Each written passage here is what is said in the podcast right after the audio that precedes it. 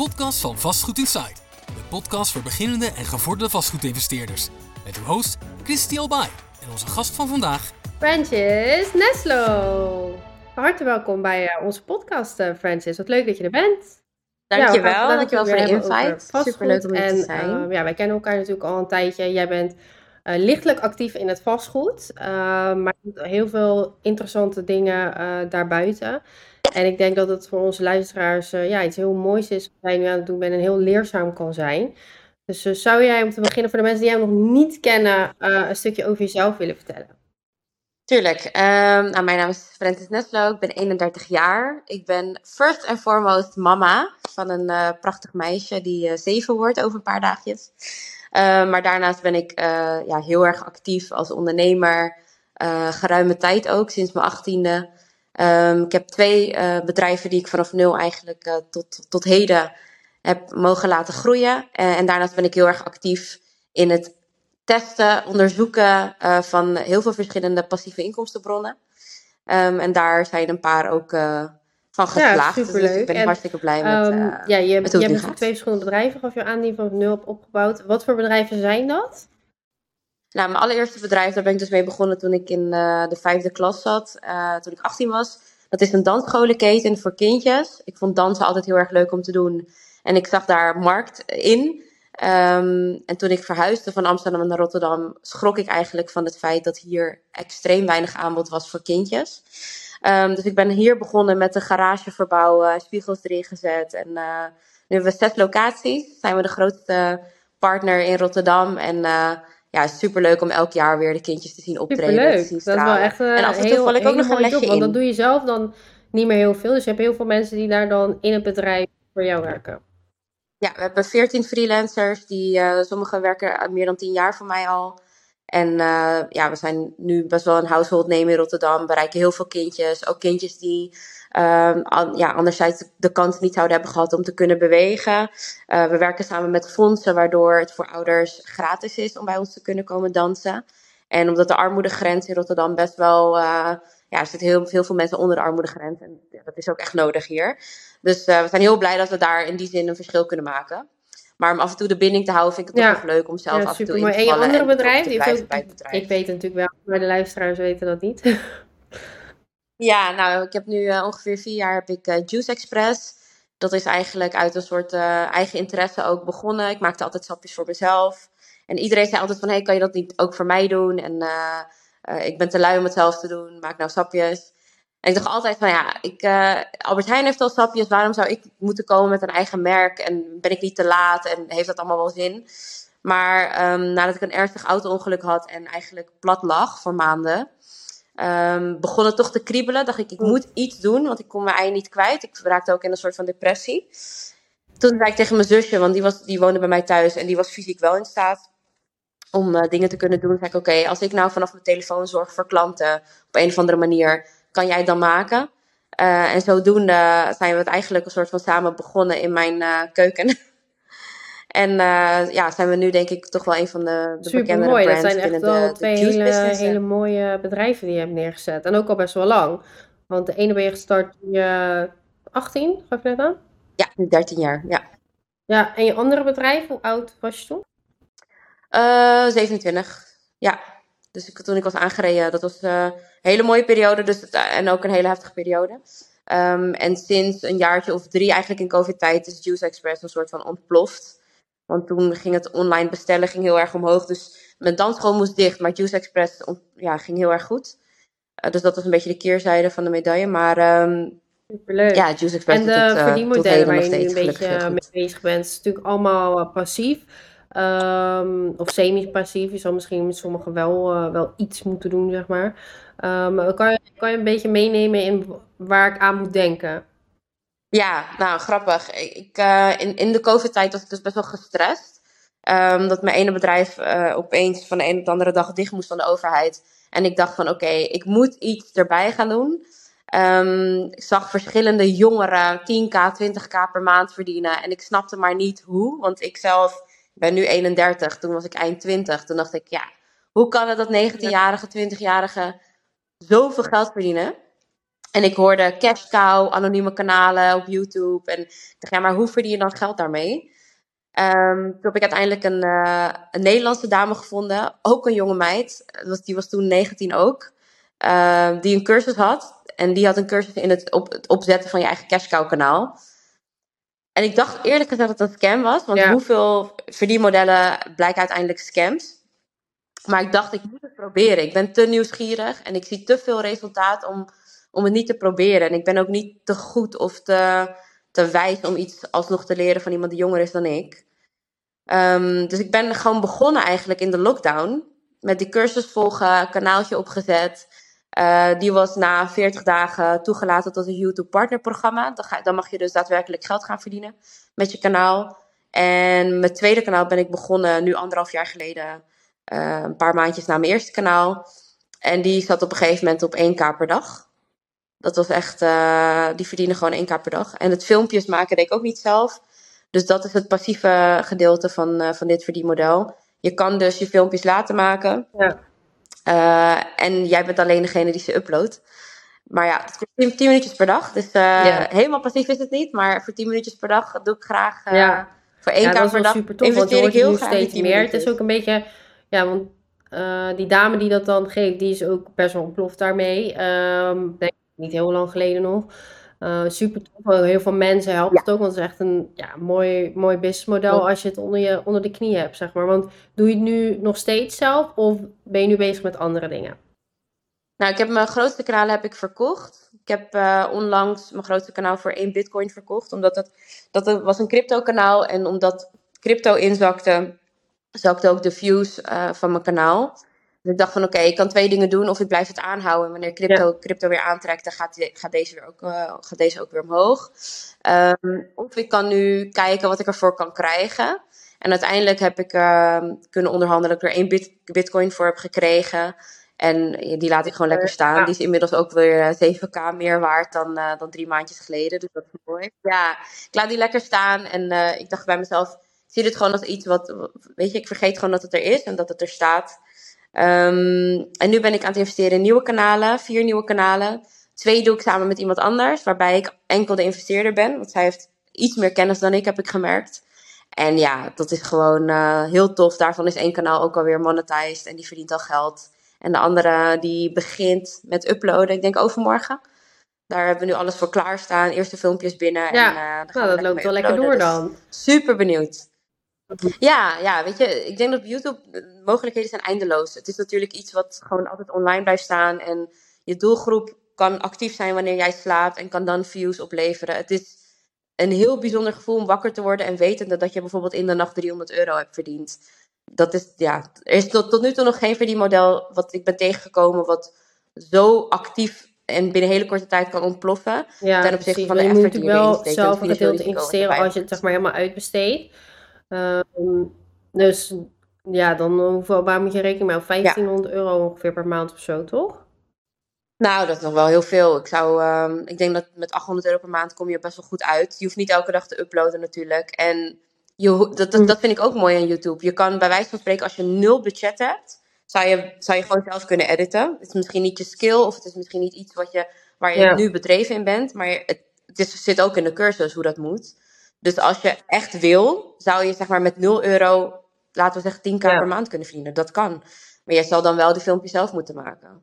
Maar ja, dat is nog beter dan werken ja, in Albert Heijn. Klopt, als je, als je 18, 20 of 19 en, jaar bent. Uh, ja, je bent natuurlijk lekker aan het ondernemen. Hoe zit het dan met vastgoed? Heb je dan ook vastgoed of uh, ben je daarmee bezig?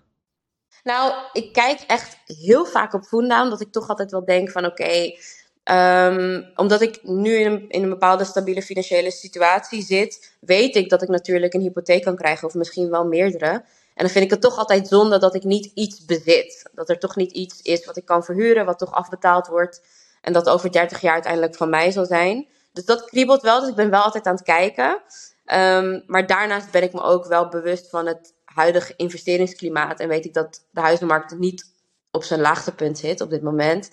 Dus ik vind het altijd nog wel moeilijk. Ik, um, nou ja, je weet dat ik natuurlijk een huisje had gekocht toen ik 25 was, was ik toen. Via FaceTime. Ik was op dat moment in Engeland en, en die, die mensen moesten op dat moment van hun huis af. Anders zou hun hypotheek naar een nieuwe huis niet worden overgesloten. Dus ehm, die hadden toen nog 20k van de prijs afgehaald. En die zeiden: Oké, voor 100k heb je dit huis. En dan uh, drie etages in Rotterdam uh, met lichtbad en uh, kookeiland, alles erop en eraan. Ik moest misschien voor 6000 euro een beetje verbouwen en even, weet je, wat kleine dingetjes doen. Dus ik via FaceTime gezegd, nou is goed, dat doen we. Ik getekend. En uh, uiteindelijk had ik hem voor twee jaar lang verhuurd voor 800 euro kaal. En de hypotheek was destijds, de rente was 1,2. Dus ik had die klaar, ik had, ja, ik had die vastgezet, um, verhuurd. En daarna ben ik er zelf in gaan wonen nadat mijn relatiestuk was gelopen. En toen was mijn hypotheek iets van 370 euro per maand. Dus dat is eigenlijk mijn referentie. En dat is natuurlijk niet te doen in het huidige investeringsklimaat. Als je kijkt naar de vastgoedobjecten en de prijzen. En dus dat vind ik altijd wel lastig. Dat ik denk van ja, maar zo'n deal, ga ik dat ooit nog vinden? Um, nu betaal je voor hetzelfde het dubbele. Of wel meer dan het dubbele. Um, dus voor mij voelt het financieel nog niet helemaal gerechtvaardigd om nu zo'n grote investering te doen. En um, in de tijd dat ik kocht, had je natuurlijk ook nog geen overdrachtbelasting. Dus dat is nu ook allemaal erbij gekomen. Dus ik vind het allemaal best wel heftig. Um, dus ik denk dat als ik iets van vastgoed zou kopen binnen nu en twee jaar, zou het eerder iets zijn voor mezelf dan voor de verhuur.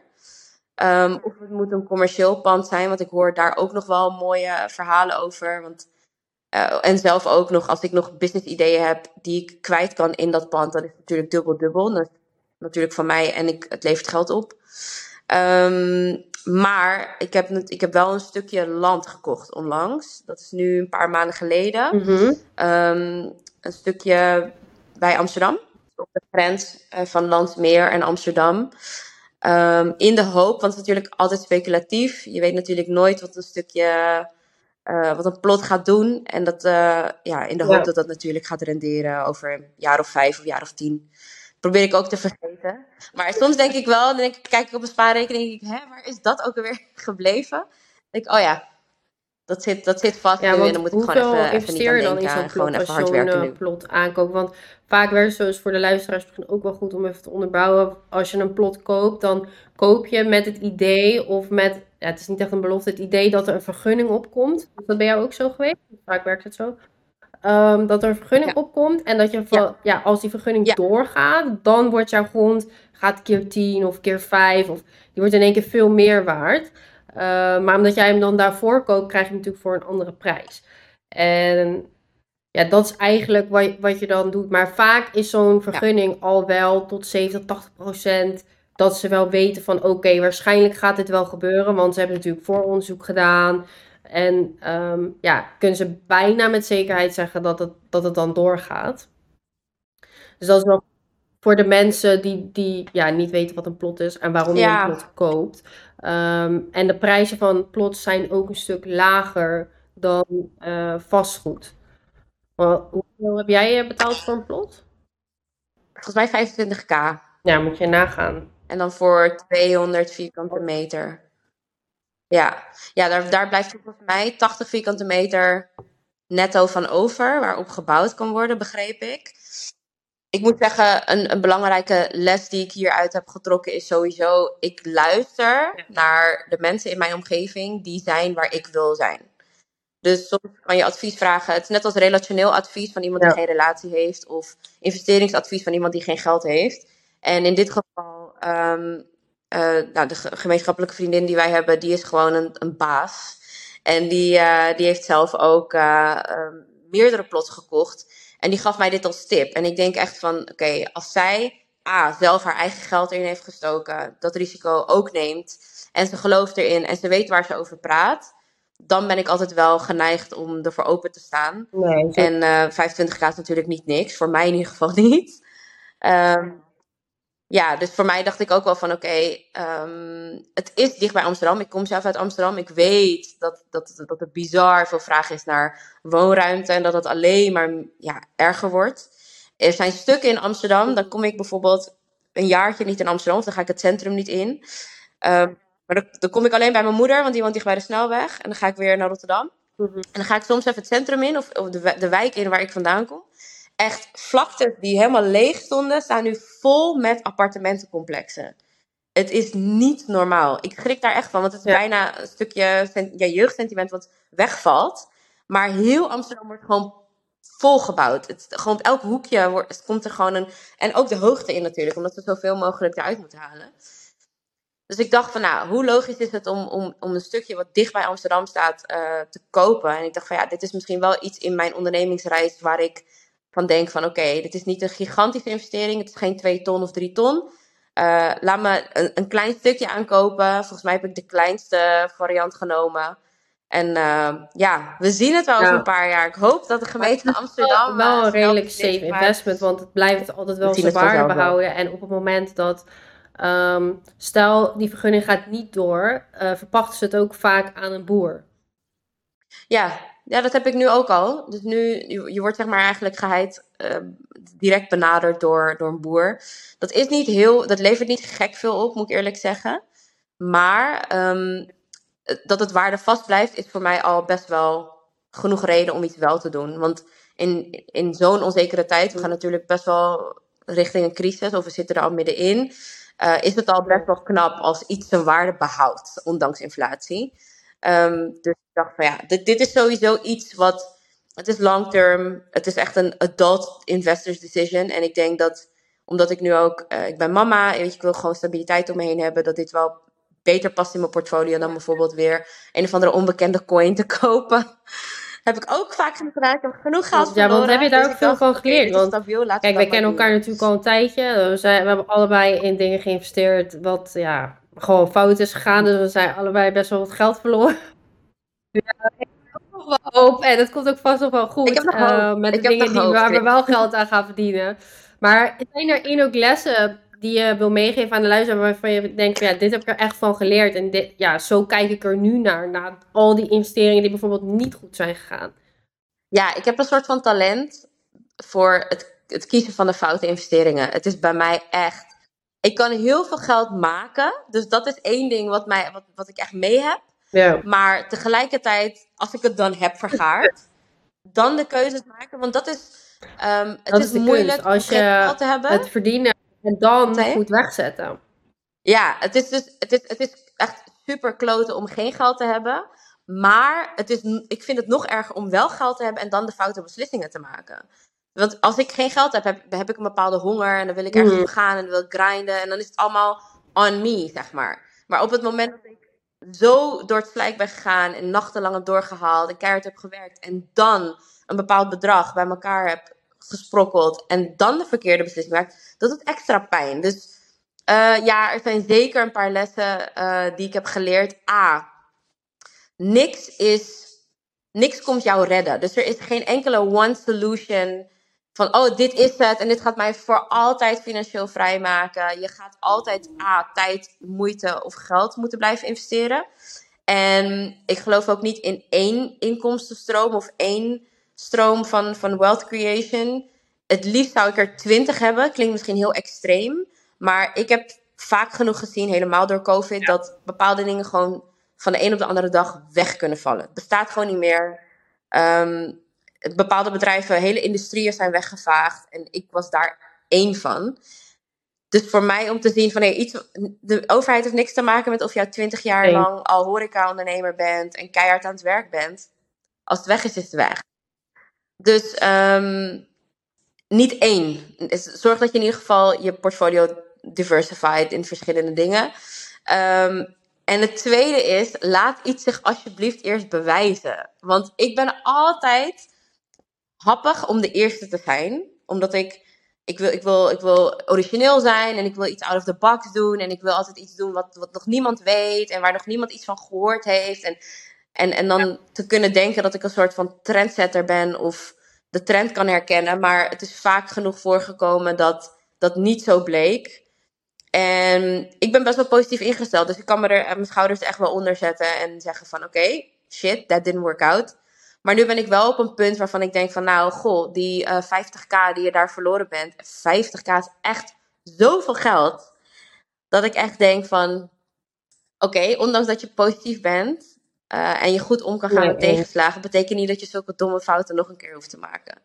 Dus het bewijzen, het stuk bewijzen, als het een goede investment opportunity is, is dat over twee maanden ook nog steeds zo. Je hebt dan niet opeens de boot gemist. Maar laat het zich maar eerst bewijzen. Ik heb ook een keer geïnvesteerd in een soort van scam waarbij um, je, je kocht een coin en dan uh, het multipliede opeens, zogenaamd, naarmate de tijd vorderde. En hoe meer mensen, het was gewoon een pyramid scheme. Ik had dan niet mensen aangebracht, maar dat was wel hun verdienmodel. En van op de een op andere dag was gewoon die website verdwenen. Ja, super heftig. En heel veel mensen die hun geld kwijt zijn. En dat ik denk van ja, maar als ik nou net een maandje had gewacht, was het, dan, dan was dat niet gebeurd, weet je. Als ik nou niet zo ongeduldig was geweest en zo, ja is goed, ik ben super impulsief, weet je. En dat kan goed zijn, maar het kan ook in, in, in investeerdersgevallen kan het, kan het nee, ook... Nee, daar sluit ik uh, ook helemaal bij aan. Want ik moet zeggen, ik heb tijdje geleden, volgens mij heb je dezelfde opportunity gepakt als die ik heb gepakt. Een tijdje geleden, ja, ik ben, we zijn er weer, zijn er weer ingetrapt. Uh, uh, en um, ja, dan toch ben je enthousiast. Ja. En ik had nu, deze keer, want ik ben precies hetzelfde. Ik ben enthousiast en ik denk van oké, laat me proberen. Want als je probeert, het niet probeert, dan weet je ja, dan denk ik, nou, het zal nu toch wel even een keer. Deze maar keer vaak ja, is dat dus niet zo.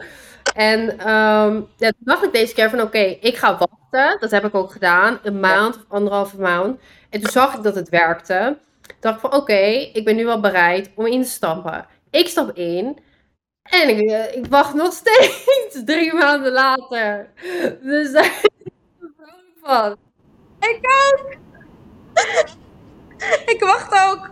Maar schijnbaar is er wel een payment onderweg. Maar ja, ik heb hier echt wel een paar k ingestopt. En er is zogenaamd 800 dollar onderweg. Dus... Ja, nee, dat, maar dat soort dingen heb ik wel. Kijk, wat ik nu bij mezelf uh, heel erg denk, ik wil gewoon safe investeren. En ik wil uh, of in mensen of in projecten investeren waar ik in geloof. Ja. Want daar hou ik ook heel veel energie uit. En mijn passieve inkomen, ja, daar zal ik dan gewoon vastgoed voor gaan gebruiken, grotendeels. En dan zal ik dat ja, gaan, gaan verdelen. Um, maar ik merk ook gewoon, net als wat jij hebt, ik ben gewoon goed in creëren. Dus in dingen ja. bouwen en geld verdienen. Dat is gewoon waar mijn kracht ligt.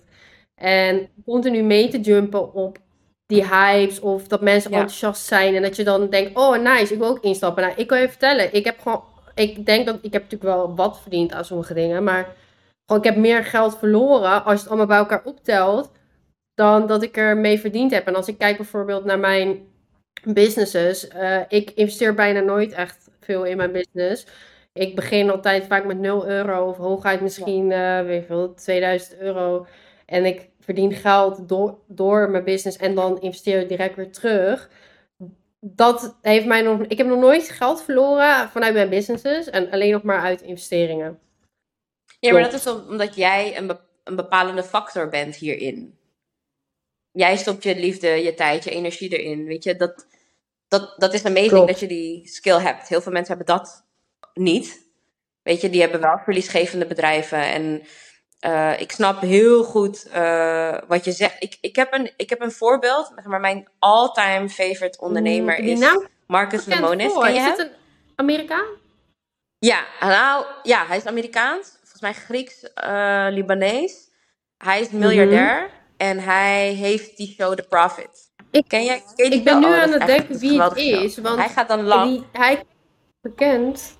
Hij is een beetje kalig. Ja, hij is wel bekend, maar niet, maar niet super, hij is niet super bekend. Dus dat, dat vond ik ook tof, want ik volg hem Mm. echt al misschien 12 jaar. Ik was super jong toen ik hem ontdekte met zijn show en al die dingen. Toen was het helemaal nog niet, toen moesten we nog Oh, ja. eh, illegaal gaan downloaden op onze laptops, weet je wel, die tijd. Toen hadden we geen Netflix.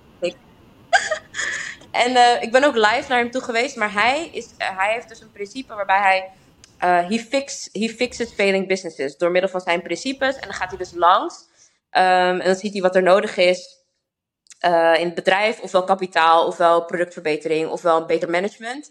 Dan fixt hij dat en dan in ruil voor 30% van het bedrijf bijvoorbeeld, zet hij ook gewoon bijvoorbeeld een ton van zijn eigen geld on the line. Hij fixt het en dan gaat hij weer verder, gaat hij weer door naar de volgende. En ik dacht altijd, dat wil ik. Dat wil ik, dat wil ik. Dus- Dus dat is altijd in mijn achterhoofd gebleven. En nu sta ik op het punt, het, de deal is nog niet rond, maar nu sta ik op het punt om in mijn eerste business te investeren. Er is een ondernemer die hulp nodig heeft, die ik heel erg mag, heel veel potentie heeft en, en echt een craftsman is in wat ze doet. Um, maar, maar gewoon in het ondernemen een beetje lekt. Daar waar ik misschien heel veel ervaring heb en ook heel vaak op mijn bek ben gegaan. En heel veel ondernemers kan behoeden van bepaalde, van bepaalde fouten. Dacht ik wel van, oké, hoe tof zou het zijn als ik bijvoorbeeld zoveel investeer voor zoveel procent. Um, dus het lijkt erop alsof dat allemaal rondkomt. Dus dat is voor mij de eerste keer dat ik als investeerder aan de investeerderskant zit en niet aan de, de werkende kant, zeg maar. Um, dus dat is denk ik iets wat beter bij me past. Ik zou veel liever 20k investeren in een business waar ik in geloof en waar ik zelf nog invloed op heb. Dan dat ik nu random iets ga kopen of in een ja, van de precies. weer nou ja, dat is ook wel tof dat je nu aan de andere kant zit en mensen een kans geeft. Ehm, en je aanvult op de plekken waar hun misschien tekort komen.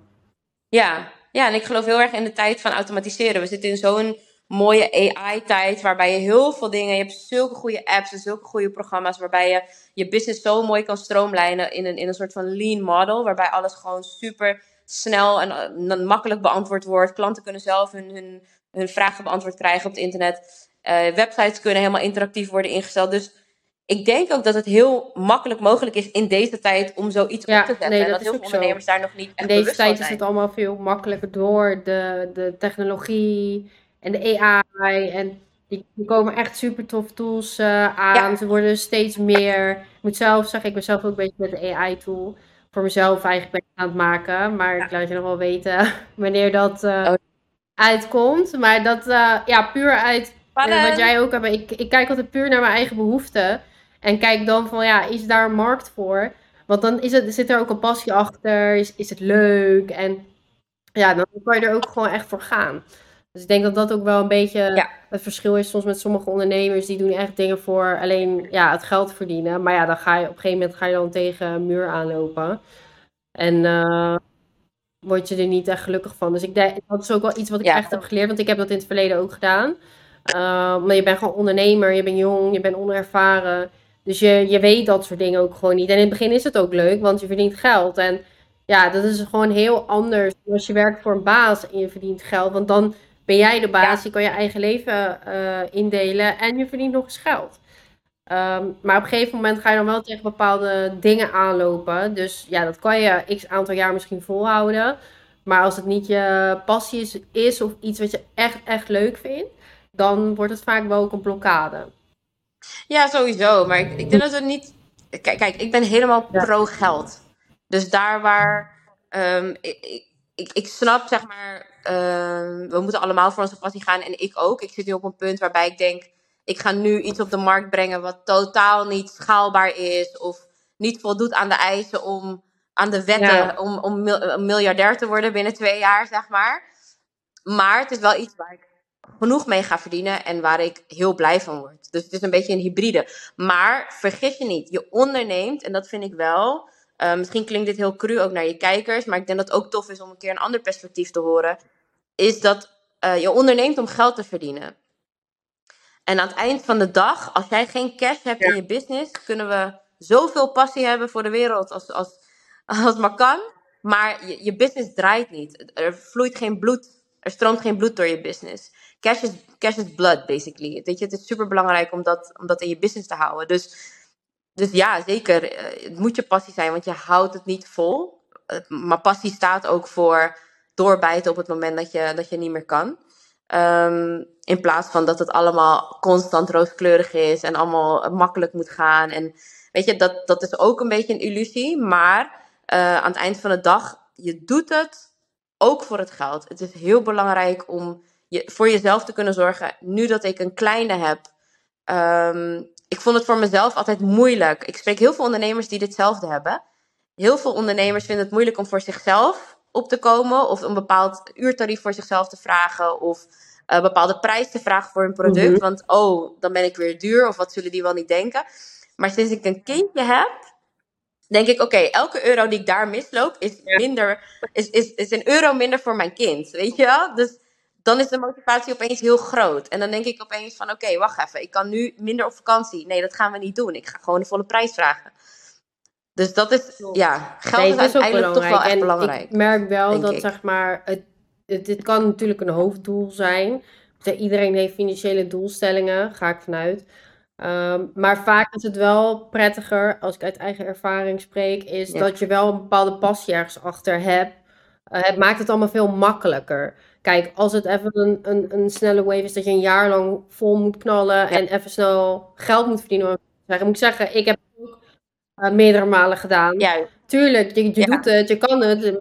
Je wel echt bizarre discipline voor hebben, want het is niet, het is niet een leuke route of zo. Dus nu, ja, op een gegeven moment ga je dan ook over nadenken. Wil je dit blijven doen? Nee. of wil je leuke dingen gaan doen waar je echt heel veel energie van krijgt? En dan Nee.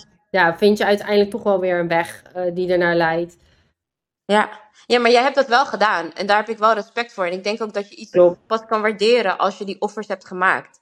Want als alles vanaf het begin zo makkelijk gaat en oh, dit en dit en dit. Ik denk niet dat dat. Ik, ah, ik denk niet dat het bestaat. Tenminste, dat is misschien mijn beperkte overtuiging. Maar ik denk dat.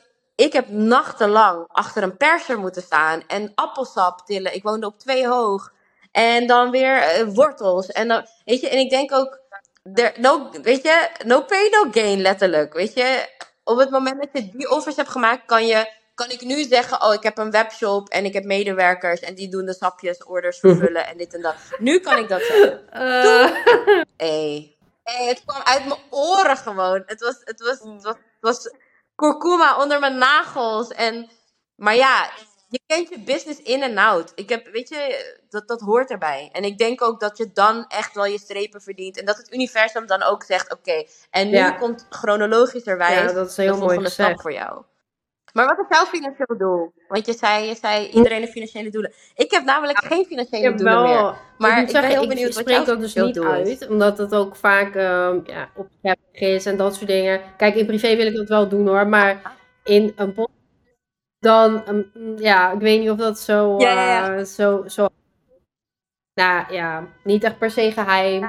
Maar meer in de zin van, ehm, ja, ik kijk ook heel erg naar mijn passieve inkomen. En ik kijk gewoon naar mijn vermogen, hoe ik dat kan vergroten. Ik moet zeggen dat ik nu op een punt in mijn leven sta dat ik heel veel in mezelf investeer. Omdat ik gewoon merk dat, ja, ik ben inderdaad de motor, de, de kracht in alles wat ik doe, zeg maar. En ik merk gewoon als ik in mezelf investeer, dan Ja. groei ik ook. En dan komt het ook een soort van naar me toe. Eh, dus dat, dat, daar ben ik nu mee bezig. En dan ja. eh, ja, ben ik ook gewoon bezig met een investeringsplan van hoe ik mijn geld ga wegzetten. Maar ik moet zeggen, ik doe dat wel eh, op een zo'n manier een redelijke safe investments. Ehm, en dan een klein percentage wat high risk. En eerst was mijn portefeuille echt gewoon ziek high risk. Ik moet zeggen, ik heb wel eh, echt ja, mijn hele huis er ook van kunnen inrichten en allemaal dat soort dingen.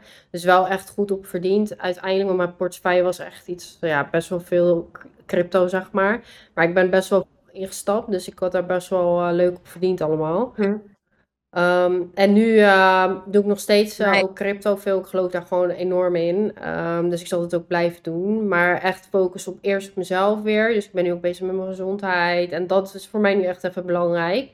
En daarna ga ik me focussen op dat investeren en echt meer op dat, ja, dat financiële plaatje. Ik heb, moet zeggen, ik heb nu zeg maar per eh, bedrijf heb ik een financieel doel.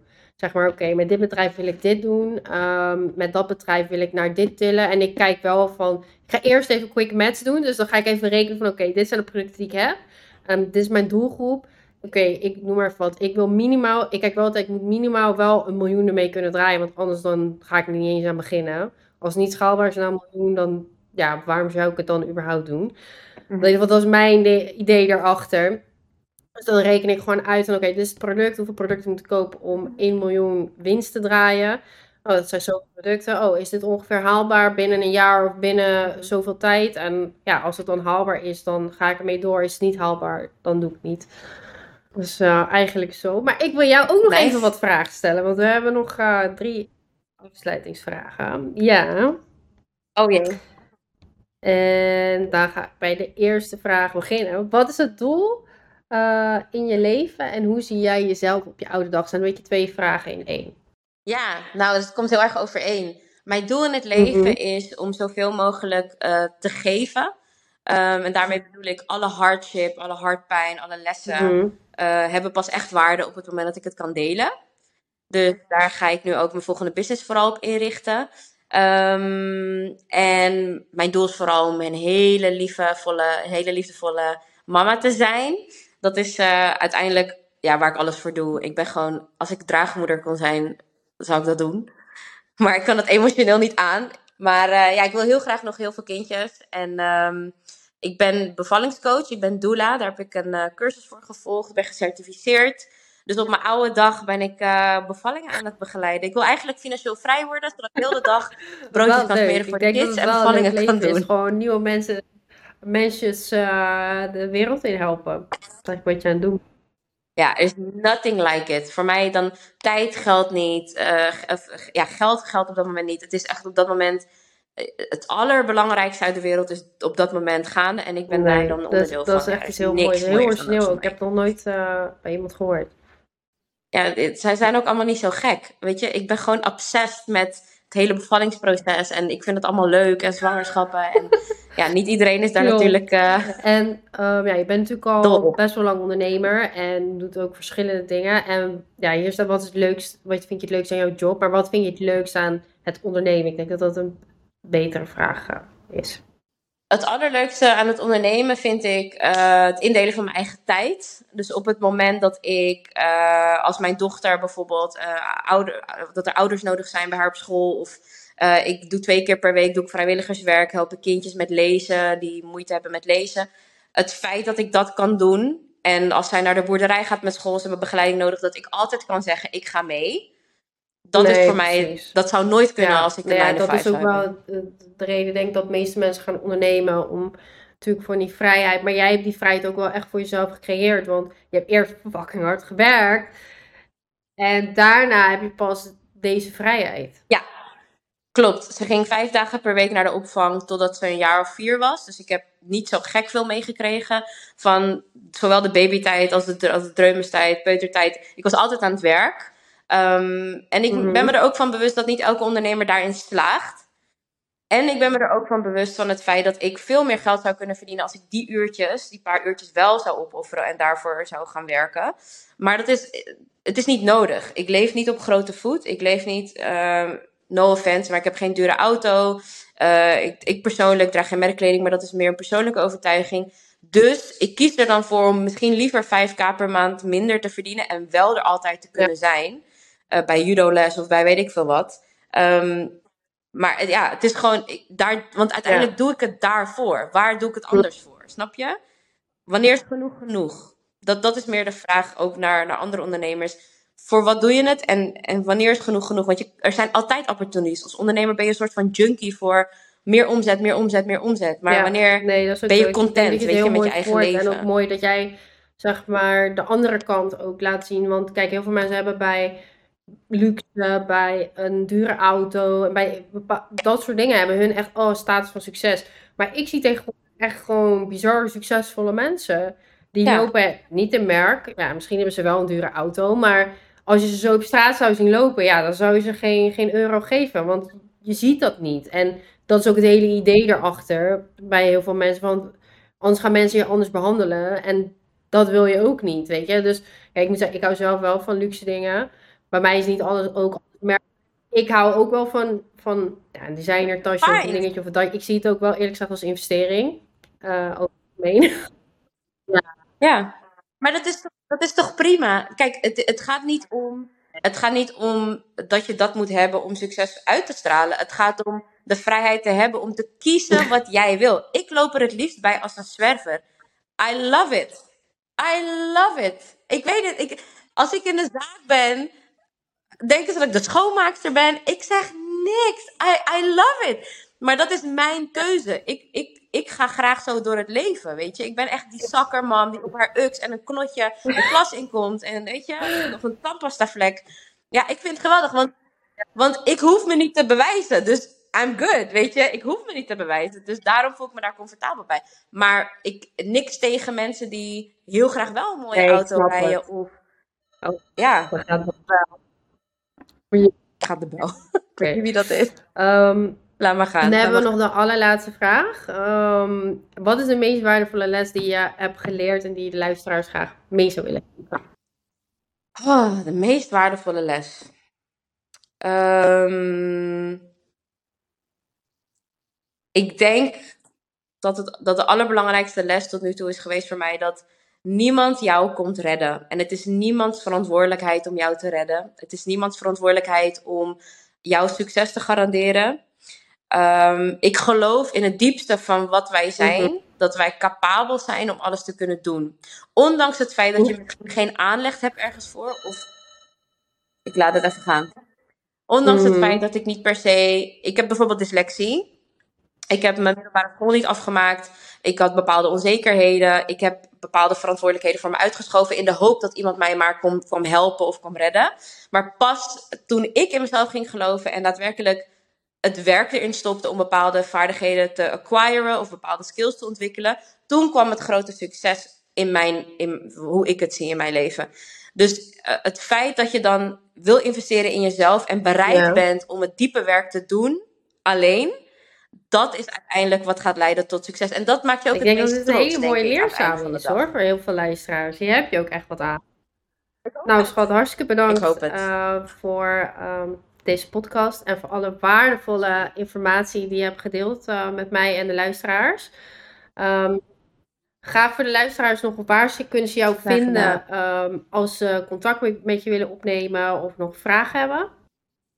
Uh, op Instagram, Francis Neslo, eigenlijk precies zoals je het zegt. En af en toe maak ik ook YouTube-updates over al mijn investeringen, waarbij ik allemaal rekenvoorbeelden heb. Dus als je dat interessant vindt, kan je me ook vinden op YouTube. Uh, en ik ben heel actief op Instagram. Dus, nou, uh, hartstikke bedankt voor het luisteren. Deze keer ook te zien op YouTube. Dus als je dat leuk vindt, ja, kunnen ze het nu ook gewoon zien. En dan wil ik jullie bedanken en een hele fijne dag. Ciao, ciao. Nogmaals bedankt voor het luisteren van onze podcast. Vind je onze podcast leuk? Laat dan een review achter. Of wil je meer over ons weten? Volg ons dan op Instagram via @matchpropertymanagement en @christyalbae. De podcast wordt mede mogelijk gemaakt door Match Property Management en Match Wonen.